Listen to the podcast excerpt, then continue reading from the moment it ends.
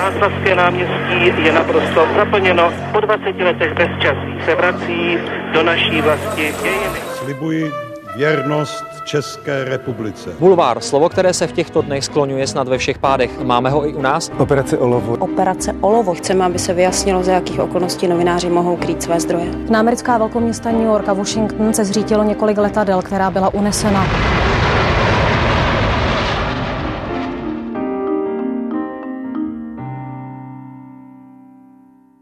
Pražského Žižkova a z chudobných pomerov sa dostal do popredných českých médií. Mal len 17 rokov, keď sa ocitol ako spravodajca vo vojne v Juhoslávii. Bol blízko drog a zažil aj moment, keď mal ako mladý muž pušku pri hlave. Kvôli rómskému pôvodu musel o rešpekt ako novinár tvrdo zabojovať. Okrem iného má korene na Slovensku a tento rok získal ako prvý Róm ocenenie Magnézia Litera. Mojím dnešným hostom je redaktor, komentátor portálu iDnes Patrik Banga. Ďakujem, že ste si našli čas. Dobrý den, díky za pozvání. Na Skavčích hor vás zdraví Jana Ďuďáková. Tři generace, tři klíčové etapy české novinařiny s těmi, kteří jsou a byli u toho. Speciální podcastová série pořadu Newsroom ČT24. Generace. Patrik, vaše moto vraj znie Nepoznám slovo nejde. Zažili ste ale počas vašej novinárskej kariéry niekedy moment, kedy ste sa skoro tohto mota zdali, kedy, sa naozaj, kedy to naozaj vyzeralo tak, že to už nepůjde? No tak e, zažil jsem situaci, kdy to už opravdu nešlo. Například, když mi o půlnoci zavolal Radovan Krejčíř tak a chtěl, abych natočil reportáž, ve který by se otevřelo to, to jeho téma znova v médiích, tak tomu jsem musel opravdu jako vysvětlovat, že to fakt jako nejde, že to prostě nikde neprojde.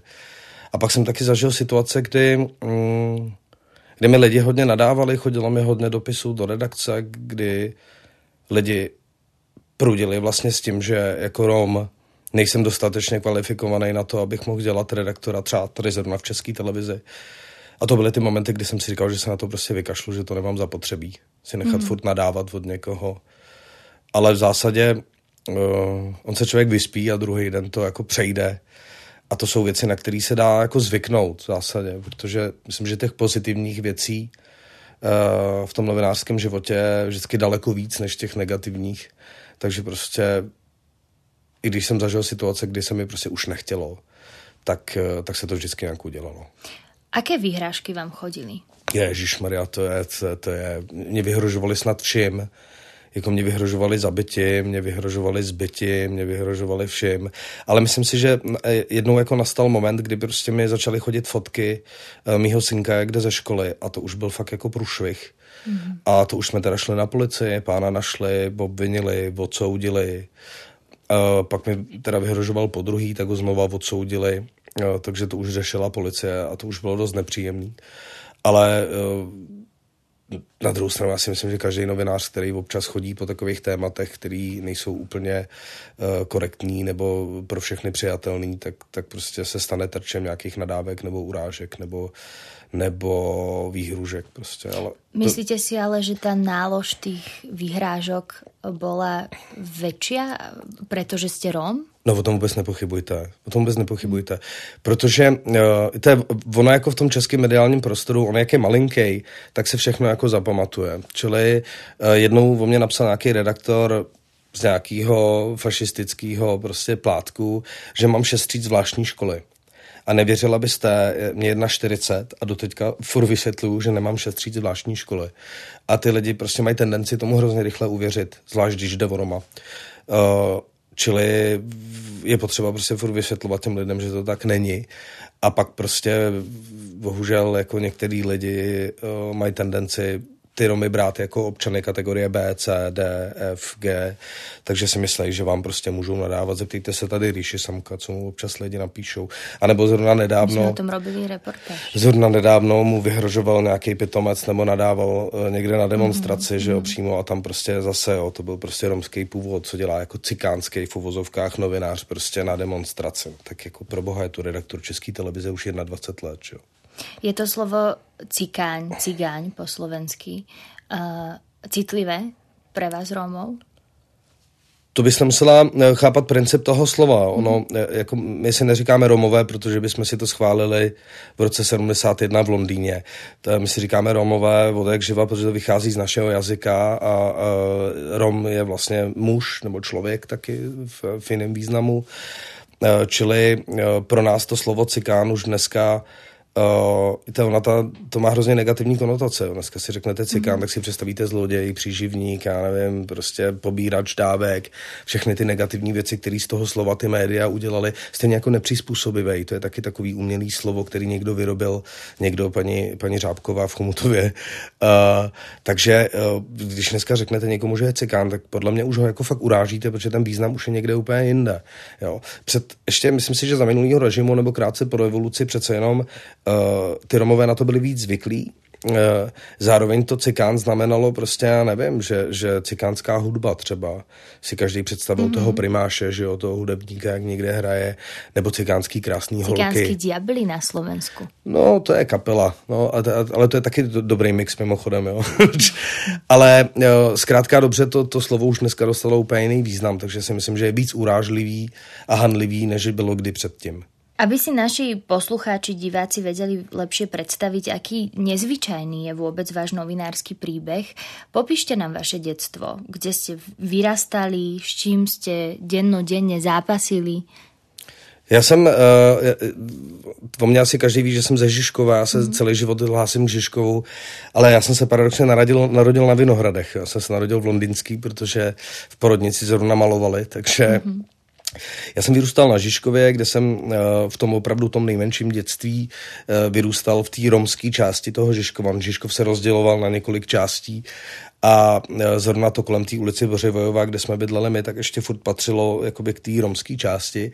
Čili já jsem bydlel v ulici, kde bylo asi 40 hospod, bydlelo tam asi tisíc Romů a, a v podstatě kamkoliv jsem přišel, tak tam jsem byl doma což bylo super. Taky jsme kousek měli stadion Viktorky Žižkov, kde jsme mohli chodit na fotbal a, a ta komunita tam jako fungovala. Čiže opravdu. jste si zabehli ku kamarátom do rodiny? Jasně, kdekoliv. A to, eh, to, tím, že nebyly mobily, že jo, a žádný Rom neměl telefon, jo, mimochodem, prostě telefon to byl úplně, jako představa, že budeme mít telefon, byl úplný sci-fi, my jsme byli ve čtvrtém patře ve výtahu, bez výtahu a topili jsme briketama, že jo, což jako dnešní děti si vůbec neumí představit, že jo. Ale uh, v podstatě to fungovalo tak, že vždycky máma zavolala z okna, kde jsme a jiná teta zavolala jako o 50 metrů dál, že jsme u nich, tak dobrý. Takže já jsem žil v takové komunitě. Uh, ono to asi ne, nebylo příliš jako nepodobný uh, těm osadám, které jsou dneska. Akorát uh, ekonomicky na tom ty pražský Romové samozřejmě byly daleko líp než, než ty slovenští Romové dneska. Čili uh, byla to taková modernější vlastně osada, bych řekl, tak jako hezky. No a uh, Eh, pak jsme se přestěhovali v roce 90, tyjo, já nevím, 91, nebo prostě krátce nějak, co jsem nastoupil do školy.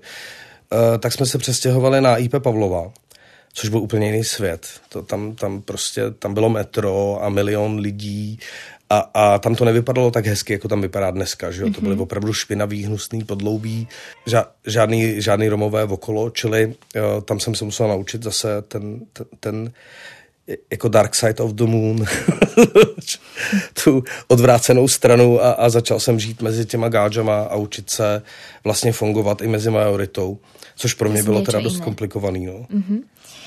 Keď sme sa pred eh, rozhovorom spolu rozprávali, tak ste mi hovorili, že ste ako chlapec závideli deťom v škole obed. To bol luxus? Víte, ono to vycházelo z té sociální, jako z toho sociálního zařazení Romů, jo. To, no to by jsem potřeboval další tři hodiny toho Jasně. pořadu. Protože v 90. letech to prostě fungovalo tak, že uh, před revolucí všichni měli práci, protože ji mít museli. Kdyby ji neměli, mm. tak by šli do vězení. Najednou přišly 90. léta a lidi začali podnikat a e, firmy, které dřív najímaly Romy, protože Romové tu tradičně dělali jako zednický, výkopový práce, dráteníci, kováři, e, si máme spoustu tradičních vlastně. Já vždycky říkám, že Romové tady postavili republiku. Bez Romů byste tady si nezatelefonovala nebo si nezašla na záchod, protože kanalizaci tady postavili Romové. Mm-hmm. Že? A najednou prostě se začali uh, uh, najímat jakoby lidi z, z bývalého sovětského svazu uh, a uh, ty Roma prostě nebyli schopní konkurovat. A najednou tam nebyl žádný prostor, jak ty domy uplatnit na tom trhu práce. Čili uh, ta práce najednou nebyla. Najednou se z Romu stali nezaměstnavatelní lidi, protože vzdělání tam bylo jako velký výpadek. Uh, oni neměli iča, oni nepodnikali, nemohli konkurovat cenama, to prostě nešlo. A najednou jste se dostala do situace, kdy se fakt rozevřely ty nůžky sociální. A ty Roma se fakt dostaly na okraj úplnej. Čili já jako dítě si přesně pamatuju, jak jsem sedával vždycky před tou jídelnou, kde chodili ty mý spolužáci na ty obědy a čuchal jsem to, to jídlo. Jo, mm-hmm. Protože my jsme na obědy prostě nikdy nechodili, protože jsme ani neměli. Že? Mimochodem, uh, celý život jsem přemýšlel, jak chutná koprovka. Protože u nás se doma koprovka samozřejmě nejedla, to, to má, máma snad nikdy neuvařila. A jak si vždycky ty spolužáci nosili tu koprovku, tak jsem furt přemýšlel, jak ta koprovka asi jako chutná. A když mi bylo asi 14 nebo 13 a vydělal jsem si první peníze pořádný nebo větší, tak jsem šel do hospody a dal jsem si tu koprovku, abych konečně teda ochutnal, jak ta koprovka chutná. A jako chutila? Skvěle, doteďka ji miluju. jako manželka, jako vždycky, když mě chce potěšit, tak uvaří koprovku. Vy nemáte za sebou, eh, Patrik, vysokú školu. Pre dieťa musí byť náročné, keď musí riešiť existenčné veci, um, vybudovať si pozitívny vzťah k škole. Keď je ťažké sa vôbec na učenie sústrediť. Aký ste ten vzťah k škole mali vy? a přemýšlím, kde by se u mě vzal pozitivní vztah ke škole. já jsem byl hrozný žák, příšerný. Mm-hmm. Já jsem chodil furt za školu, místo školy jsem chodil mít auta na křižovatku anebo stavět stánky a prodávat zeleninu a vydělávat si peníze. Takže uh, mě museli učitelky úplně nenávidět. Uh, na druhou stranu, mm, já myslím, že mi to docela rychle myslela. Myslím, že jsem nikdy nedostal z češtiny třeba dvojku. Ale uh, já jsem byl hrozný záškolák. Uh, občas jsem se popral ve, ve škole, protože uh, v mládí jsem uh, velmi často řešil takový ty nadřazený spolužáky, kteří měli pocit, že mi můžou nadávat, tak jsem je řešil pěstma, protože to bylo jediné, co jsem vlastně proti ním měl. A, a, a tak. A pak jsem byl hrozně na ženský taky, takže... takže... Takže burlivé teenagerské roky. Strašný, strašný. Kdyby tohle dělalo moje dítě, jako zabiju. Jako- No takže eh, můj vztah ve škole, ke škole byl opravdu velmi negativní a doteďka nechápu, jak jsem dokázal odmaturovat, ale jako v pohodě udělalo se, odmaturoval jsem maturitní vysvědčení, která jsem ho dlouho neviděl, ale někde je ve složce, takže dobrý. Napriek tomu máte prehľad. Uh, nebol ale chýbajúci vysokoškolský diplom problém vo vašej novinárskej kariére? Nikdy. Nikdy. Nikdy. Mm-hmm. Já myslím, že eh, jako, mm, víte, já občas přednáším na, na vysokých školách a občas mám pocit, že dnešní vysokoškoláci nemají, já to nechci říct, aby to, aby to vyznělo hnusně, jo, ale mm. oni nemají prostě 10% praxe nebo jako toho tahu na branku, co jsme mývali my. Víte, v těch devadesátkách byla televize nebo noviny byly fakt top zaměstnání. Abyste se tam dostala, tak jste musela být top. Dneska už může být novinář každý. Dneska prostě vytáhnete mobil, položíte ho do stativu a za 10 minut můžete vysílat a nazbíráte takových sledujících, že se vám o tom může zdát. S pravodajským serverům se o tom může zdát. Ta doba bohužel tak pokročila, nebo já nevím, jestli bohužel, ale jo, pro mě bohužel, tak pokročila, že dneska už každý cvakne mobilem jakoukoliv fotku, natočíte video za tři vteřiny. Dřív jste to musela všechno domyslet, na všechno jste se musela mít tři, čtyři zdroje, jinak vás editor vyhodil a, a prostě jste všechno musela dopilovat úplně doplná, aby vás do těch novin dali. Takže škola nie, to, k tomu ste nemali pozitívny vzťah, ale teda mali ste pozitívny vzťah k čítaniu, k zisťovaniu si informácií? Já jsem hrozný čtenář, strašný, doteďka jsem. Mm-hmm. Já, já, když jsem byl malý, tak eh, v, v knihovně si myslím, že jsem mohl rovnou bydlet. V Lublenské ulici bydla, byla knihovna na rohu a tam už se ty, tam už se mi smáli vlastně, protože já jsem četl snad všechno. Já jsem četl česky, slovensky a furt, furt jsem ležel v knihách. To, a od malička jsem to takhle měl. A od malička jsem psal. V detstve vás vraj volali pletkár, čo teda znamená po slovensky klebetník, ale po česky teda drbna. Už v detstve ste teda radi sledovali dianie okolo vás? E, tam sa začali prejavovať vaše novinárske vlohy? Kde můj dědeček uh, udělal pro mě tu věc, nebo nevím, jestli to nebyla náhodou chyba, jo, trošku, protože on mě naučil číst, když mi byly asi čtyři roky. Takže já, když mi byly čtyři, jak jsem uměl číst, a když mi bylo pět, tak jsem uměl psát. Mm-hmm. Jakože ne dobře, ale já doteďka neumím dobře psát, ale uh, protože jsem přeučený levák, ale, ale zase mám 180 hůzů za minutu na klávesnici. Ale, uh, on mě prostě naučil číst, takže já jsem furt ležel v novinách a uh, tehdy vycházela, jmenovalo se Večerník Praha. A prodával to Kamelot na Pavláku, tam stál před metrem a prodával ty noviny. Takže já jsem pořád čet a, a vždycky jsem, samozřejmě to, co jsem čet, tak jsem referoval v té rodině. Takže ze mě si každý uh, člen naší rodiny dělal legraci, že jako jeden z mála bangů nebudu hudebník, ale, ale budu novinář.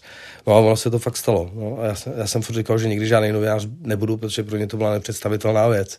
A dneska tady sedíme proti sobě a, a povídáme si o tom, že jsem novinář. O vašej novinárskej no. kariére. Dokonca ja som v úvode spomínala, že ste sa dostali veľmi blízko k drogám, ale sám ste im neprepadli. Aké obdobie to bolo? Já jsem dokonce nikdy ani neskusel. Mm-hmm. Já, e, jako, já jsem měl z drog vždycky hrozný strach a to nebylo strach z toho, že že by se mi něco mohlo stát, nebo že bych něco svetovaný provedl, ale já jsem měl strach z toho, že by se mi to líbilo. Mm-hmm. A e, protože jsem dělal terénního sociálního pracovníka, čímž teda vysvětluji, jak jsem se dostal e, blízko k drogám a chodil jsem do romských komunit, protože zase v těch devadesátkách vznikaly terénní programy pro uživatele drog, ale ne pro Romy, že? protože nikdo nechtěl chodit do romských komunit tak jsem to bohužel viděl zblízka a viděl jsem spoustu svých kamarádů, spolužáků, vrstevníků, který prostě úplně jako propadli tehdy drogám. Já myslím, že jsme byli první generace, která to chytla. Protože on, oni tu drogy byly i za socialismu, že jo? Tady se Brown prodával ve velkém ale tak nějak se o tom nemluvilo, nic se o tom jako nevědělo a najednou prostě se začal vyrábět pervitin, eh, který byl relativně levný a, a dostupný a začal se čichat toluen, že jo, což eh, bylo úplně super levný. Jste za 20 koupila plechovku měla jste to na týden. A já jsem bohužel jako viděl, jak ty, eh, ty, ty lidi z té komunity prostě propadají jako, já nechci říct plošně, ale strašná část lidí, který jsem znal, eh, propadla těm drogám. Jo. Ty chudší Romové prostě tomu toluenu a, a ty gáčové prostě propadly tomu pervitinu a, a, a bylo vlastně hrozně smutný vidět, jak třeba lidi, který já jsem znal celý život ze školy, tak o tři roky později už nebyli schopni mě poznat. Mm-hmm. A, a je to paradox, protože doteďka, když se s nima potkávám, a oni už nemají ty zuby, že jo, ve 40 a, a mají různé jako problémy, tak se vždycky bavíme o tom, jak mi ty učitelky ve škole vždycky předpovídaly, že budu ten kriminálník a ten odpad té společnosti.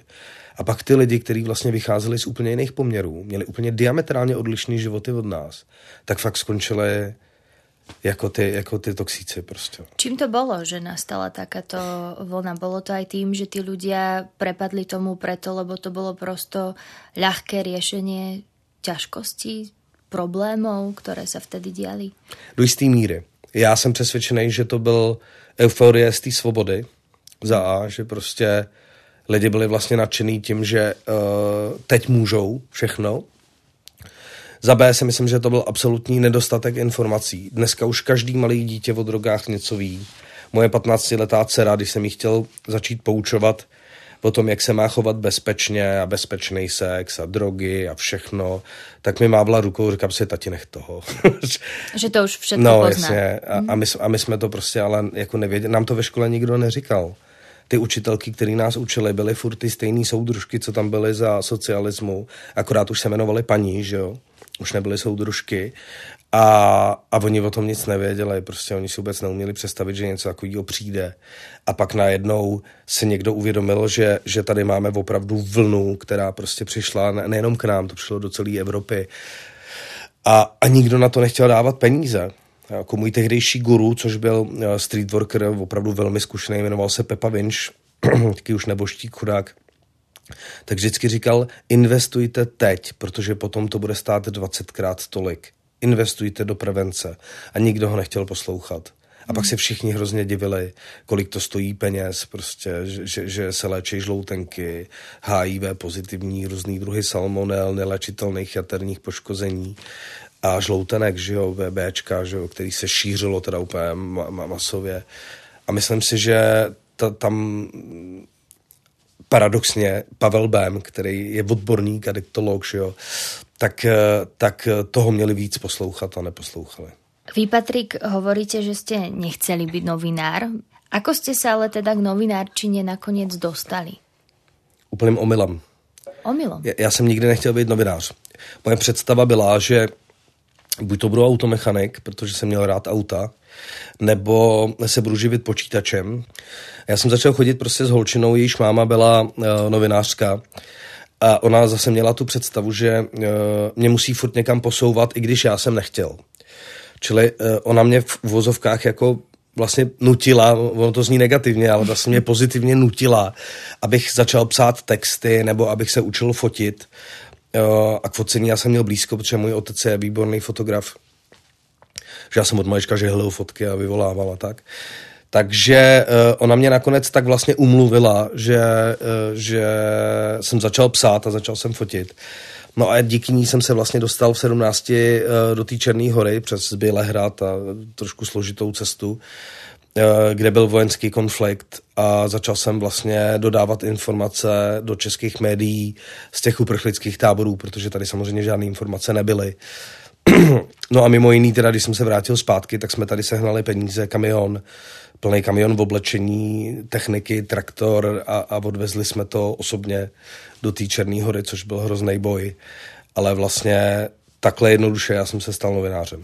Poďme ale teda ešte k tomu utečeneckému táboru. Prispievali ste teda do českých médií, ale ako ste sa dostali k tej príležitosti? Oni vás oslovili, ako vás to, to vedeli, bylo, že ste tam? To bylo tak, že já jsem potkal redaktora České televize a tehdy jsem si myslel, a dlouhý leta jsem si myslel, že to byl tady místní Karel Rožánek. Mm-hmm. Ale vlastně nevím, že my jsme se o tom s Karlem nikdy nebavili, takže já teď vlastně nevím, který, kdo to byl, a už je to 25 let skoro, takže já už prostě teď nevím. Každopádně uh, všechno, co jsem dostal, byla mailová adresa na nějakého editora, kterýmu já jsem posílal maily. A bylo to tak, že tam byla jediná, uh, jediná internetová kavárna, uh, pro mladý, kdo neví, co to byla internetová kavárna, tak uh, to byl prostor, kde jste za peníze mohli na internet krátce. No ale ta byla hrozně drahá na, na, na, na místní poměry, protože tam byl internet přes satelit a bylo to příšerně drahý. Takže já jsem měl třeba jenom 10 minut. A za těch 10 minut jsem potřeboval poslat zprávy do Romea.cz, do české televize, eh, poslat zprávy rodině, poslat zprávu partnerce, někomu. Takže tam já jsem se paradoxně naučil psát na počítači. Rychlo. Protože jak jsem spěchal, tak mm-hmm. jsem musel furt zrychlovat, zrychlovat, zrychlovat. Takže výsledek byl těch 180 úhozů, který mám do dneška. A všichni si mysleli, že jsem se naučil ve škole, ale já jsem se to naučil tam. Čiže redaktor Českej televízie přišel, oslovil vás? Jestli bych vám... neposílal uh, zprávy z, uh, do, do, do Čech, do, do, do Prahy. Takže já jsem takhle tímhle tím způsobem posílal zprávy do Prahy. Čiže to byly písané zprávy? Samý, jasně, mm-hmm. jasně. No tak kamery nebyly. Jako představa, ano. že přenesu uh, video, byla, nevím, jste se posílali karty autobusem. To jste dělala tak, že jste se domluvila s autobusákem, dala jste mu disk. Mm-hmm. Jako, protože karty nebyly, se pásky, že jo, se posílali a dala jste to autobusákovi a v Praze si to na Florenci někdo vyzvedl. No. Ako dlho jste tam potom zostali? Já jsem se tam furt vracel, takže uh, já si myslím, že dohromady jsem tam byl třeba dva roky. Ale mm. já jsem uh, jel do Prahy, tady jsem onemocnil, nebo onemocnil, já jsem onemocnil tam, ale v Praze mi zjistili, že mám žloutenku, takže mě zavřeli na infekční. Takže jsem tady byl asi měsíc. Pak jsem se zase sebral s kamionem, jsem jel zase zpátky, pak jsem přijel zase do Prahy, pak jsem jel zase zpátky, pak jsem nějakou dobu zůstal v Chorvatsku, což už bylo po konfliktu. Takže já jsem k tomu Balkánu měl hodně blízko a chtěl jsem tam zůstat. To byl můj jako plán vlastně pořád je to můj plán. Já vždycky vyhrožuju dětem, že, že, uh, že se seberu, koupím si barák v Chorvatsku a do konce života budu plavat a jíst ryby. takže takže uh, myslím, že jaký dva roky, že jsem tam jako pendloval. Utečenecký tábor to je miesto, kde je mnoho novinárskych príbehov, Strašný. určite. Mm. Aké z týchto novinárskych príbehov vám utkveli v pamäti? Mě tam utkvělo v hlavě tolik věcí, já jsem je všechny napsal do té knížky a kdybyste mě teď zabila, jak vám žádný neřeknu, ale uh, myslím si, že jestli mě opravdu něco nejvíc zaujalo, tak to bylo rozdíl mezi muslimskou a křesťanskou komunitou, přestože mm-hmm. šlo o Romy, protože já jsem tam zažil takřka neuvěřitelné situace, kdy uh, krásná, vzdělaná Romka utírala zadek, že to musím takhle říct, tupýmu, blbýmu, nevzdělanému Romovi, který mlátil a považovala to prostě za poctu. Takže, Vážně. no strašný prostě. Pro mě jako, jako návštěvníka zvenku a, a středoevropského Roma to bylo něco tak nepochopitelného, že uh, do, do dneška vlastně vůbec nechápu, jak se to mohlo stát. Navíc prostě uh, spoustu Romů tam vlastně vůbec nevědělo, proč museli utíct, takže tam došlo k takovému paradoxu, že my jsme těm Romům vysvětlovali, proč v tom táboře jsou. Mm-hmm. A uh, oni vlastně jediný, co věděli, je, že tam přijde někdo a zastřelí je. Ale nevěděli, protože tam se opravdu střílelo hodně kolem toho Kosova. Ale oni nevěděli, jestli to jsou Albánci, nebo jestli to jsou Srbové, nebo před kým vlastně utíkají. Takže i k takovýmhle situacím tam jako docházelo. Prostě strašný. Představte si, že, se, že, že vyjedete 1500 kilometrů od Prahy, ale vrátíte se o 100 let dozadu. A tím bych vlastně, tím se dá krásně schrnout to, co já jsem tam všechno viděl. Ako vyzeral taký váš typický deň v tábore? Typický den v táboře vypadal tak, že jsem se zbudil v domě romského krále, který mě u sebe ubytoval, mm, což byla vlastně jediná moje Romského výhra sportce. Já jsem bydlel u romského krále, ano. Ty uh, Romové, kteří žili poblíž toho tábora, tak tam měli jednu autoritu. My tomu na Slovensku říkáme Vajda. Mm-hmm. Uh, tady byste tomu říkala v Čechách asi, já nevím, předseda vlády třeba, nebo mm-hmm. někdo prostě, někdo, kdo má autoritu a všeobecný respekt. Takže eh, já, když jsem přijel do té Jugošky, do toho tábora, tak eh, protože ta moje tehdejší tchyně eh, v úvozovkách samozřejmě tam dorazila až později, tak já jsem najednou zjistil, že nemám kde bydlet, že nemám kde být. Takže jsem tam našel romského krále, u kterého jsem věděl, že tam existuje vysvětlil jsem mu situaci, řekl jsem mu, kdo jsem a on mě ubytoval u sebe doma. Což si myslím, že mě zachránilo před tím, aby mě tam někdo dal uh, jaksi eh, přes tlamu nebo, nebo si o tam tuď odvez pět žen, protože takřka neustále mi tam někdo nabízel ženu. Protože ten můj český pas pro ně znamenal cestu vlastně do ráje. Že? Mm-hmm. Čili, uh, Čiže on, záchranu života. No oni proto, aby zachránili ty děti, mm-hmm. tak mi je nabízeli, takže jsem tam měl na výběr z mnoha manželek od 14 do 40 let. Vlastně, kdybych si měl vzít všechny, tak bych musel asi vykrást banku. Takže já jsem se zbudil v domě romského krále a většinou jsem uh, obcházel uh, ty neziskovky a řešil jsem s nima, co aktuálně potřebují ty lidi uh, z té části. Jsem si vybral jednu část toho tábora, protože tam bylo prostě 25 tisíc lidí, to nešlo obcházet všechno. Takže já jsem většinu času uh, pracoval v tom nezisku a menšinou jsem popisoval uh, to, co jsem viděl. Jenže jsem neměl počítač, takže jsem psal na papír, že jo. Takže jsem psal na papír, pak jsem musel do té internetové kavárny, kde jsem zaplatil těch 20 dolarů a za deset minut jsem to musel všechno Opisat. posílat. Mm-hmm. Takže eh, je fakt, že eh, ono, když člověk píše text ručně, tak si ho pamatuje, což je, což je největší vlastně výhoda ručního psaní. Stretli jste tam aj nějakých zahraničných reportérov? Stovky. Známých možno někoho, nějaké známé mená, ktorí uh, přišli reportovat o tom, co se tam děje? Ne. Známý jména žádný, ale novinářů stovky. Mm-hmm. Jako myslím, že zrovna tenhle ten tábor kolem uh, té Podgorice, že, protože tam působilo spoustu neziskovek, UNHCR, uh, Spojený státy americký, IOC, IOCC, ADRA, tam vlastně opravdu fungovalo těch neziskovek hrozně moc. Takže samozřejmě i pro novináře to byly zajímavé jako příběhy. Ale chvílema jsem měl pocit, že tam všichni jezdí točit takový ty hluboký lidský příběhy, ale nikdo se nechce sebrat a, a udělat něco, aby se to tam jako změnilo. A já, protože mi bylo 17 a myslel jsem si, že zachráním svět, tak jsem tam přivez s velkou slávou ten kamion toho oblečení, abych zjistil, že je to vlastně úplně k ničemu, protože jsem pomohl jako pěti rodinám, ale nebo deseti, že jo, ale prostě... Ale jich tam bylo mnoho víc. No jich tam byly tisíce, hmm. že jo, to bylo šílené. Bylo to právě tam, kde jste se ocitli s puškou při hlavě? To byla situace, teda musím říct úplně šílená. Jsem šli s jedním uh, Slovákem uh, se jmenoval Dodo Murin, uh, už je chudák nebo štík, tak my jsme šli po přechodu, uh, si představte tu situaci, kde jdete s nákupem. Jdete s nákupem, přejdete přechod a najednou zastavila zastava, to, to, to bylo auto, policejní, z něho vyskákali policajti a jeden voják, uh, čili jezdili v, v, v kombinaci dva policajti a voják. Uh, chtěli po nás doklady, my jsme vytáhli doklady a ve chvíli, kdy zbadali, že jsem Čech, tak jsem měl okamžitě, prostě mi narazili na zeď a okamžitě jsem měl pušku na hlavě. Mm-hmm. A teď máte ten moment, kdy je vám 17.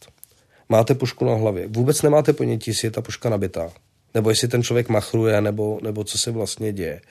Já jsem se tvářil, že, že, nerozumím, uh, že nerozumím srbsky. Oni si tam začali mezi sebou nadávat, že uh, Havel byl jeden z těch lidí, kteří podpořili na, nálety na, na, na Jugoslávii. A teď si říkáte, ty, co když se mu ten prst smekne? Hmm. Nebo co když to má fakt jako nabitý? Kdo mě tady jako najde? Tady mě nenajde nikdo. A to byl ten moment, kdy jsem si říkal, ty vole, co tady děláš? Jako- a fakt jsem byl jako vyklepaný, protože prostě člověk jako, já bych byl vyklepaný i dneska, že ono se o tom dneska docela hezky mluví, ale tehdy jako uh, to bylo fakt složitý, no. A, a nakonec teda jako nás nechali bejt a, a odjeli, ale prostě jsem si, že třeba ještě půl roku potom jsem se jako občas dost blbě budil, protože prostě nechcete mít jako pušku na hlavě. Ja trochu preskočím na záver toho konfliktu v Juhoslávii rok 2001, útok na Svetové obchodné centrum. Zažili ste ho pri novinárskej práci, eh, kde ste vtedy boli, mm, čo ste riešili? Já, jsem, já si pamatuju přesně ten den, protože jsem ležel doma. Ležel jsem doma a koukal jsem na, na televizi a ve zprávách se objevily takový ty slavný obrázky toho, jak letí to letadlo, takový ty profláklý. A já jsem byl bytostně přesvědčený, že to je nějaký film, ale bylo mi divný, že je na spravodajském kanále. Hmm. A furt jsem jako přemýšlel, co se děje. A najednou jsem si jako uvědomil, že prostě to je realita, že, že se fakt jako, že došlo k této šílenosti. Teď my si to vůbec neumíme představit tady, protože my takovýhle věci neznáme. My přece jenom jsme malý stát, desetimilionový, kde prostě největší jako terno je, když se Babiš stoupne prostě tady k, pos, k pultíku a obstoupí jeho poslanci a mluvíme o tom tady pět týdnů, že jo. Ale tady najednou prostě letí jako letadlo a vlítne do baráku a pak do Pentagonu, že jo, spadnou dvojčata. A já jsem teda tehdy uh, hrál s kapelou, čili jsem nedělal v žádné redakci, já jsem jezdil po světě s kapelou. Ale prostě do dneška si pamatuju ten pocit, kdy jsem si říkal, jako teď ty novináři, jako ono to zní hrozně bizarně, jo, ale teď mají ty novináři fakt žně. Hmm. Tohle je prostě materiál, se kterým se dá, můžete psát knížky, můžete točit filmy a to se všechno samozřejmě děje, že jo. A zároveň jsem si říkal, jaký jsou ty novináři vlastně hyeny, protože tohle je strašně neštěstí. Představte si, kolik lidí tam přišlo o život, kolik lidí tam přišlo o přátele, rodinu a jakým způsobem ještě k tomu. A pak z toho byla jako válka vlastně, že jo, v, v, proti Bin Ladenovi, že jo, vůbec Afghánistán. Takže uh, jsem si fakt říkal, že my jsme vlastně trošku jako hyeny, no. Ale to... Jedna strana je nazvať to, na jednej strane sa to dá nazvať e, niečo z toho hyenizmom, na druhej no, ale jakým způsobem potreba, o tom informovat? Je potřeba jako, o tom informovat. No, no, jako říct to musíte, ale nějak jako vyváženě. Na druhou stranu prostě... Je to spravodajstvo. Je dôležité hľadať súvislosti, vysvetľovať ich, dávať ich do kontextu. Práve napríklad preto, aby potom e, nevznikali konšpiračné teórie, ktoré vznikali. A zvlášť, no ježiš, A stále, stále vznikají. Já jsem si dokonce koupil knížku. o Pravda o útocích 11. září se to jmenovalo. A čítate si to, abyste se pobavili? Uh, no, to jsem si koupil samozřejmě proto, abych se pobavil, ale uh, mě spíš jako fascinuje to, že to někdo vydá. Hmm. Že někdo ochotný do toho dát peníze. Takže no, na druhou stranu stačí se podívat na Sputnik, že jo, nebo dneska na, na proruský dezinformační weby.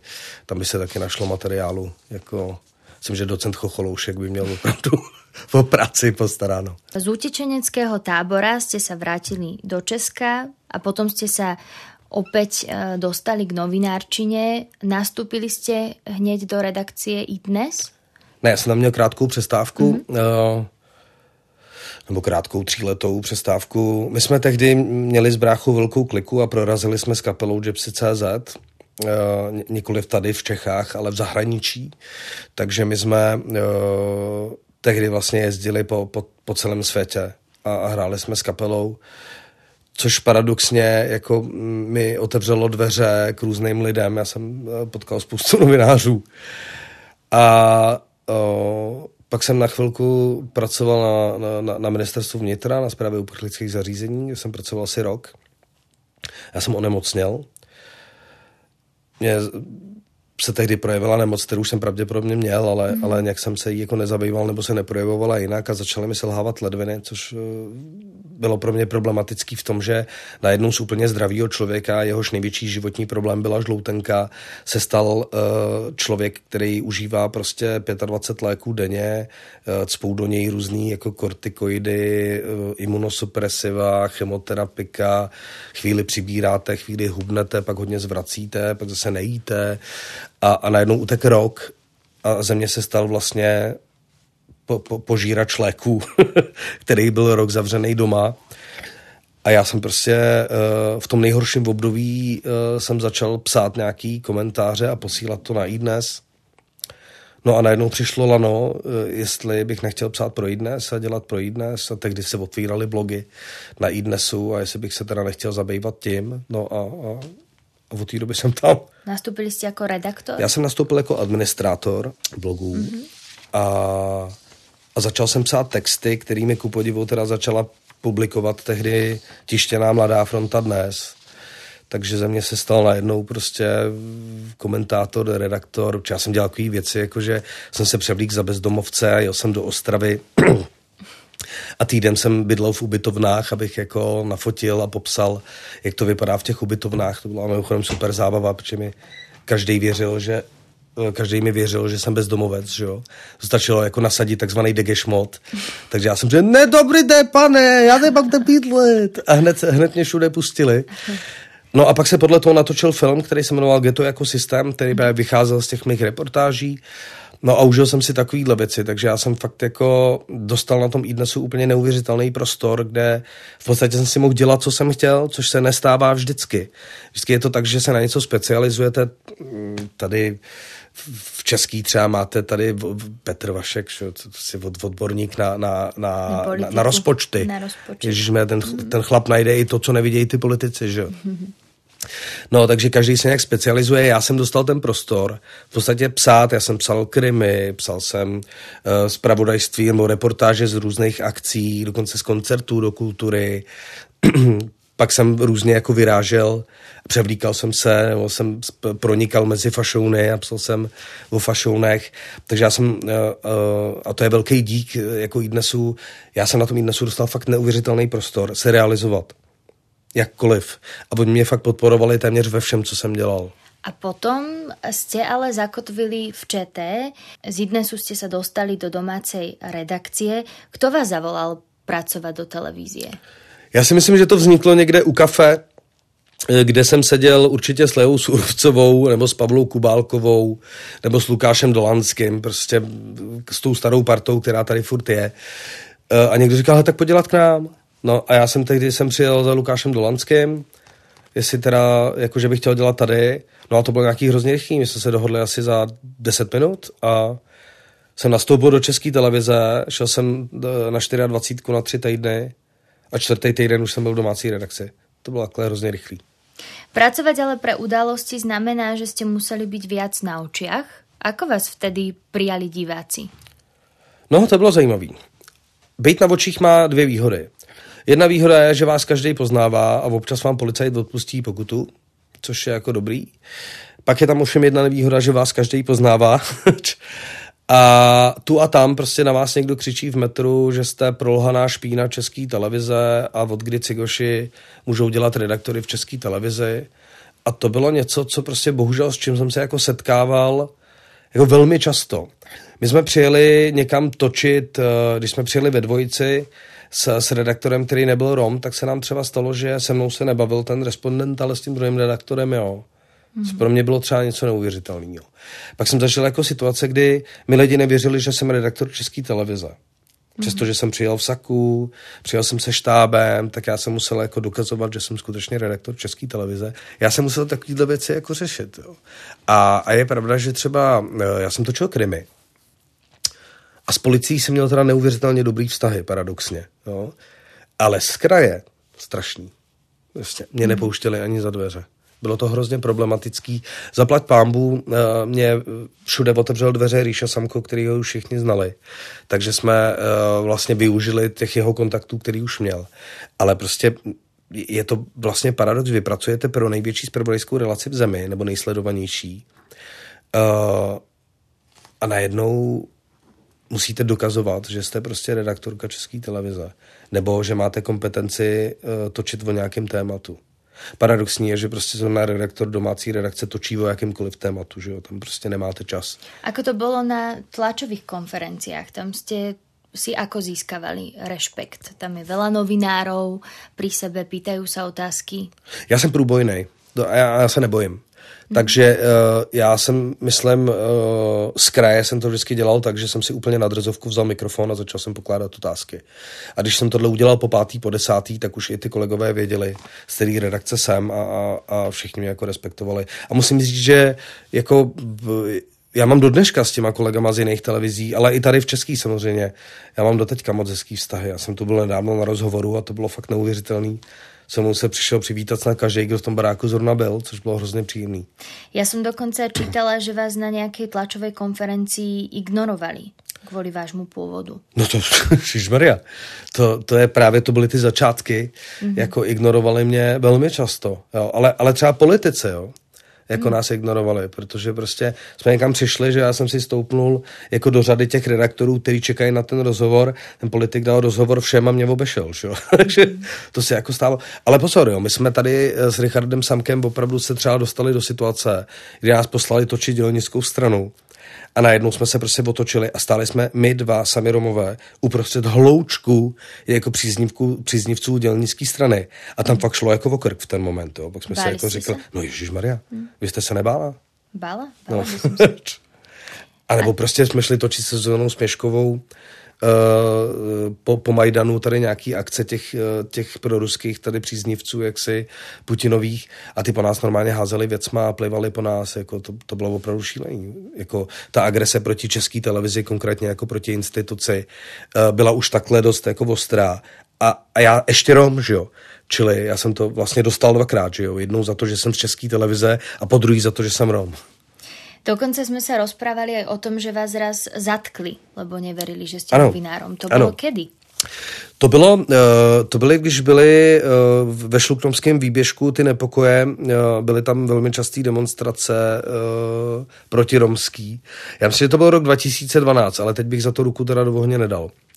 A to bylo tak, že já jsem točil tu demonstraci pro iDnes tehdy, že jsem ještě nebyl v Český a za Českou tam tehdy byla Lea Surovcová, si pamatuju do dneška, že ta se za mě přimlouvala u, u té policie a pár kolegů z Českého rozhlasu a najednou tam vlítla policie, strnul se nějaký konflikt. Já jsem ještě předtím upozornil na to, že ty, ty demonstranti mají zbraně. Že jsem si všiml, jak si uh, jeden upravuje jako pistoli na, na, na, na pásku, jí měl v pouzdře. Najednou se strhla bitka, no já jsem samozřejmě jako říkal kameramanovi toč, toč, toč, že jo, a teď prostě jsem si ho řídil, aby, aby, aby jsme měli nějaký obrázky. No a najednou klepetá hubu na zemi, klečeli na mě dva policajti, mm-hmm. jako, a já na ně ječím, že jsem novinář, ať mě nechají bejt. A oni, jo, to určitě, ty, ty novinář, jo. A tam mě odvedli do Antonu. jako, jsem seděl v Antonu, vysvětloval jsem jim, že jsem novinář. Oni mě teda... Neverili. No vůbec, oni mě normálně posílali někam. A tehdy právě si myslím, že Lea Surovcová jim jako potvrdila to, že jsem novinář. A ještě kolegové z Českého rozhlasu jim potvrdili, že jsem novinář, takže mě s omluvou jaksi jako propustili z toho Antonu, jo. ale já jsem normálně úplně natvrdo dostal klepeta, respektive ne klepeta, oni mi dávali ty umělý ty, ty umělé pásky, který má ta zásahovka a normálně mě násilím jako fakt otáhli jako držku odřenou, pardon, teda v obličej, že jo. A prostě jenom strašný. A nikdo mi nevěřil, že, že, že jsem redaktor. Vy jste s Richardom Samkom uh, zažili stretnutie so slovenským politikom Marianom Kotlebom. Ano, ano. Co se tam dělo? Uh, No my přímo s ním jsme se nepotkali teda, ale bylo to tak, že my jsme byli nějaký demonstraci zase jako příznivců tady e, krajní pravice a on tam měl teda opravdu velmi rasistický proslov, který my jsme natočili na mobil. A e, protože jsme znali ty, ty policajty, kteří tam měli tu službu, tak jsme šli za jejich šéfem a pustili jsme e, mu to video, aby teda věděl, co tam říkal. No a, a když slízal z jak ho rovnou sebrali a odvezli tady na Vyšehradskou. Takže eh, na, na, nás má jedinou památku, že jsme ho tady nechali, jako, že jsme byli... Co je paradox je, že jsme byli jediný, kdo se té policie ozval. A kdo rozporoval, teda kdo upozorňoval na to, že ten člověk má takhle radikální rasistický jako věci a říká to veřejně. Jo. Což je vlastně smutný na jednu stranu, protože tam bylo, já nevím, 150 příznivců dělnické strany a dalších 50 100 čumilů. A nikdo se prostě nevozve a řekne, hele, tohle ale prostě, sorry, nemůžete tady nabádat k tomu, aby prostě všechny Romy naložili do dobytčáků a odvezli je ven ze země, že jo. To je prostě čirý rasismus. Navíc jako uh, ne, ne úplně nepodobný tomu, co tady dělali na cestě, že jo. Jako, a teď bych si představoval, že se ozve těch lidí deset a ne dva. A potom se Marian Kotleba dostal do vrcholnej slovenské politiky. Ano, neuvěřitelný. Neuvěřitelný. V českých médiách pracuje zo pár rómskych novinárov, náš kolega Richard Samko, vy, Jarmila Balážová. Je to stále málo? Je to tragicky žalostně málo. Nevím, jak to mám zdůraznit, aby to jako vyznělo, že to je opravdu katastrofa vlastně. Abyste mohla ovlivňovat uh, veřejné mínění a mohla přinášet uh, pozitivní zprávy nebo obrazy Romů v různých jako situacích, tak potřebujete média. Bez médií prostě nemáte šanci. A tím, že je tady třeba Ivetka Demetrová v rozhlase, je tady Rená Horvátová, Jarka, Vojta Lavička občas něco natočí, taky bývalý dramaturg České televize, Ríša Samko, ale je to furt to spočítáte na prstech dvou rukou. Je to tragédie. My jich potřebujeme 50, 100.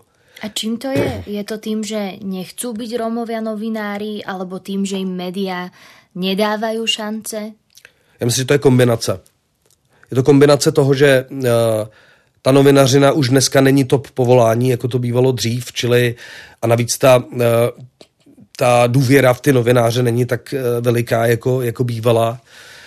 To je jedna věc. A druhá věc je ta, že Roma si na obrazovku prostě málo kdo pustí, co si budeme říkat. Jo.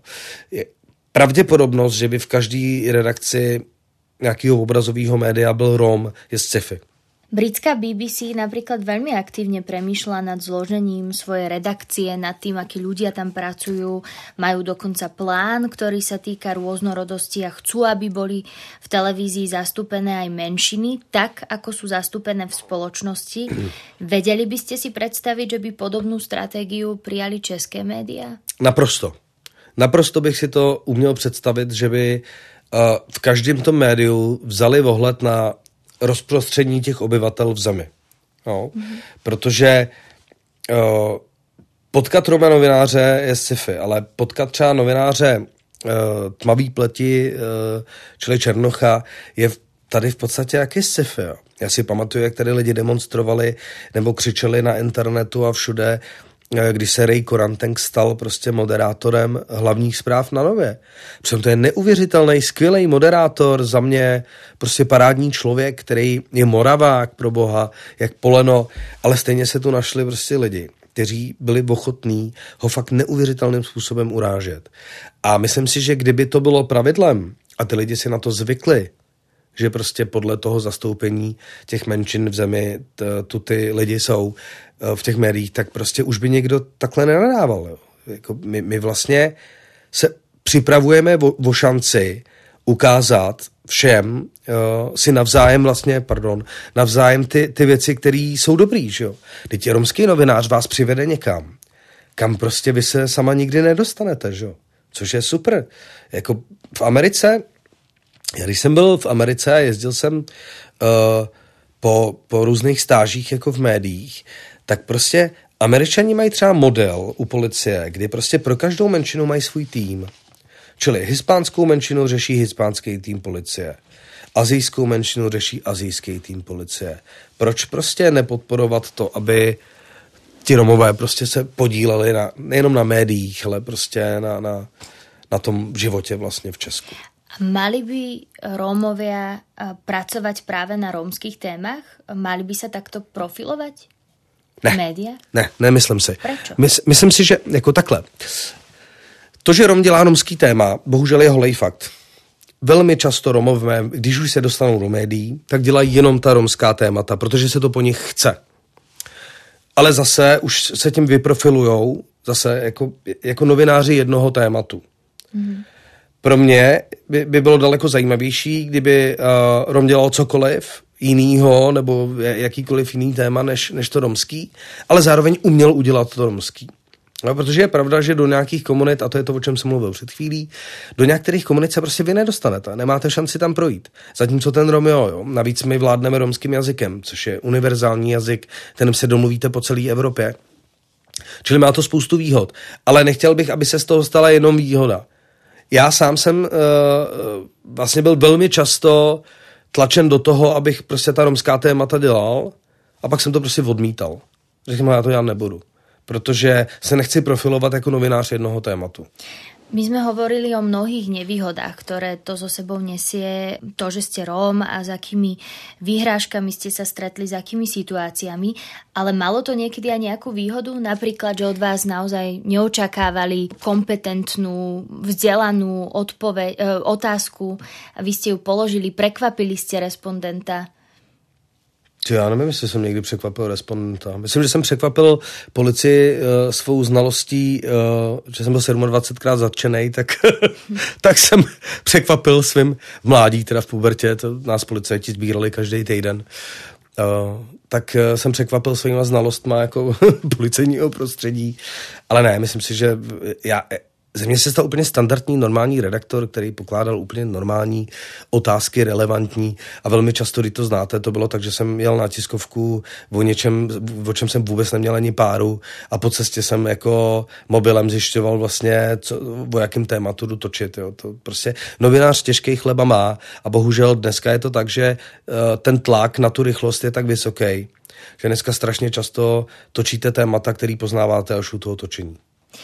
A ako českí novinári informujú o rómskych témach? Informujú o nich citlivo? Zlepšujú sa časom? Jo, myslím si, že dneska už jo. Ale aby se mohli zlepšovat, tak se muselo stát spoustu špatných věcí. Hmm. Jako před deseti lety si kluk v Břeclavi prostě vymyslel, že ho zmlátili Romové kvůli cigaretě a média z toho měly tři, čtyři, pět týdnů úplně naprostý žně, kdy ta maminka toho zbytýho kluka pořád vyprávěla, jak ty Romové jako ho zbyli a jak je to hrozný. Dopadlo to tak, že přišlo tři tisíce nácků do té Břeclavy a já jsem zažil situaci, kdy jsem se schovával s Romkama a s dětma ve sklepě jako břeclavských domů, protože se báli, že je zabijí ty, ty, ty, ty lidi. A to, to jsem si říkal, no to je hruza. A to udělali média, tohle. Média. Protože nikdo se nezeptal, jak to bylo. Nikdo nešel na tu policii a řekl, jste stoprocentně přesvědčený, že ho někdo napad. A pak najednou začalo vznikat spoustu jako verzí toho, jak se ten čin mohl stát. A já, já jsem byl u toho, protože jsem zrovna seděl za radu vlády, jsem seděl v té vyšetřovací komisi, čili jsem měl informace z první ruky. A věděl jsem, že to, co ty média tvrdí, není pravda. Ale stejně to furt ty média jeli, protože to, se to četlo. Rom v titulku přitáhne prostě o 80% víc čtenářů, než když je ten titulek bez Roma. Hmm. Takže eh, najednou ubět, uteklo pět týdnů, ten člověk se policii přiznal, že si to celý udělal sám. Vznikly tři články, takže teď tady máme nepoměr, kdy o tom, že tu situaci udělali Romové, že to zavinili, tak bylo třeba 500, 800, 900 textů. A o tom, že si to udělal sám, byly tři. Nebo pět. Dobře, deset, ať nežeru. Což si myslím, že je opravdu jako vrchol. Tak teď tady máte opravdu ten, na ten strašný nepoměr. Pak se stala situace, kdy prostě přišel uh, článek parlamentní listy s tím, že v Ústí nad Labem si Romové založili polici, uh, tu policejní, politickou stranu a hned ten den jim ukradl pokladník, pokladnu a zdrhnul. Jeli to všechny média v zemi. Nova, Prima, my na iDnesu, všichni to jeli. A já jsem teď říkal, ne, ne, to, to prostě ten člověk popisuje věci. Že on, on nebyl schopný ten redaktor Prokůpek tehdy napsat, v jakém to bylo hotelu, kde to bylo, kdy to bylo. On nedal žádný fakta. Takže my jsme se sebrali, jeli jsme do Ústí nad Labem, začali jsme zjišťovat, v kterém tom domě to teda mohlo být a nám řekli, že žádná taková akce nebyla. Že jsme dělali klasickou novinářskou práci. Šli jsme po všech těch informacích, které ten člověk zveřejnil, všechny jsme je vyvrátili, Nakonec jsme zatlačili na ty parlamentní listy a ty parlamentní listy se museli omluvit. Mm-hmm. A pak se stalo něco, co se tu nikdy předtím nestalo. A omluvila se všechna média. Jako. A tehdy si myslím, že nastal ten zlom, kdy už bez hlavě jako každý nedával všechno v romech, jako co bylo nějak zajímavý A tím zajímavý, já tu mávám uvozovkama, to posluchači nevidějí, protože Zajímavý je, že Rom něco ukradne, Rom někoho zabije, Rom něco řekne, nevím, prostě cokoliv negativního s Romama je prostě tak zajímavý, že máte zaručenou čtenost. Jo, a prostě bohužel léta ukázala, že, že to je furt stejný. Čili média se naučila ty věci pověřovat a myslím si, že uh, se naučila šetřit s tím slovem Rom v tom titulku. Ale ještě pořád si myslím, že většina těch zpráv, které se o Romech ukážou, tak mají ten negativní nádech. No, že jakoby naprosto banální kriminální činy, uh, o kterých prostě za standardních okolností prostě neinformujete, tak se najednou dostávají jako do médií, protože eh, pachatel byl Rom. No. A ako se darí, Patrik, eh, rómským médiám, ako Romea, ako se jim darí fungovat, ako se jich darí financovat? Rome já si myslím, že už je jako velmi etablovaná eh, na českém mediálním trhu, protože samozřejmě je nejstarší, eh, má největší záběr a myslím si, že Rome se podařilo to, co, eh, co chtěla. Mimochodem víte, co znamená zkrátka Romea? Zkrátka Romea je romská mediální agentura. Mm-hmm. A myslím si, že to se přesně podařilo Rome. Většina novinářů, když hledá Roma k nějakému tématu nebo informace o romském tématu, tak, tak jdou na Romeu což si myslím, že byl cíl a zaplať pámu to funguje.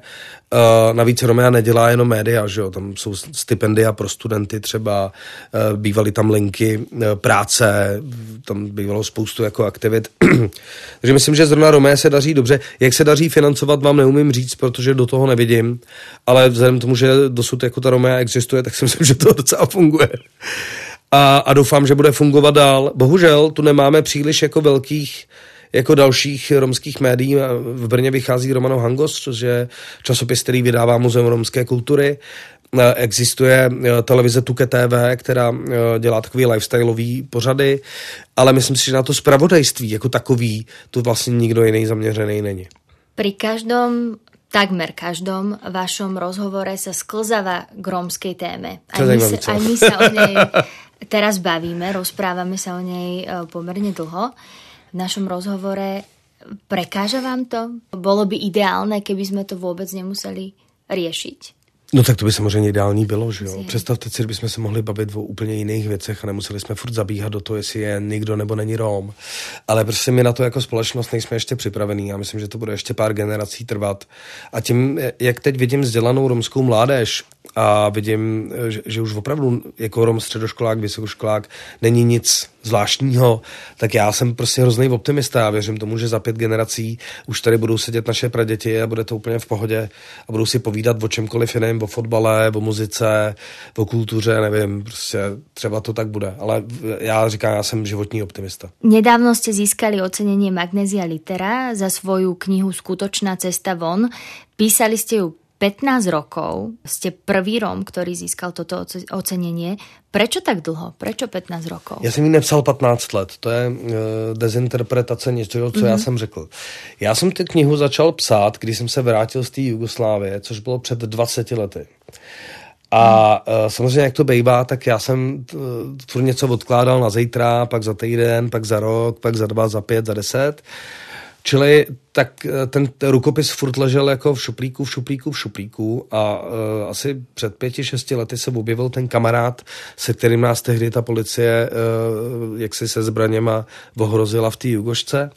Tak těsně předtím, než umřel, tak uh, on se jako objevil a, a měl tendenci dotáhnout ty věci do konce a naposílal spoustu fotek, který si myslel, že jsem dávno ztratil a on měl negativy doma, takže e, jsme dali dohromady spoustu materiálu.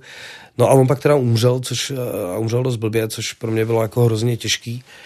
A když byl covid, tak já jsem to vytáhl z toho šuplíku, zjistil jsem, že je to nepublikovatelný, e, celý jsem to smazal, vytáhl jsem si z toho jenom ty informace a vlastně celou tu knížku jsem přepsal. Z ČT ste sa vrátili potom do Idnesu, tam pracujete dodnes. Keď sa obzriete za vašou kariérou, aká vaša vlastnosť vám podľa vás pomohla k úspechu? Alebo schopnosť dostať sa na televíznu obrazovku, do celonárodných médií, z tých pomerov, z ktorých ste vyšli? Já to taková přirozená drzost. Drzost. No, jako, ale taková ta pozitivní drzost. Jakože já jsem se fakt jako nikdy nebal. Když bylo pět let, tak prostě uh, jsem vystoupil na festivalu hudebním romském, uh, kde uh, fakt paradox, jo. Tehdy se tam klávesák nějak jako zranil nebo něco a já, když mi bylo pět, tak jsem normálně prostě přišel a sedl jsem si na to pódium. Když mi bylo 12, tak jsem se dostal do úplně stejné situace v kostele, v kostele Šimona a Judy, kde jsme byli se školou na koncertě eh, orchestru pana Stivína, což je tady český jako jazzový mák. A uh, on si dělal jako legraci a říká eh, těm dětem jako kdo teda toho pianistu zastoupí, kdo mě, já jsem sebral a šel a odehrál jsem s ním celý koncert, což bylo prostě pro mě celoživotní zážitek, že jo. A uh, doufám, že nás uslyší, já ho moc pozdravu. A tím způsobem já jsem se vlastně dostal všude. Já jsem se nikdy nebál něco zkusit.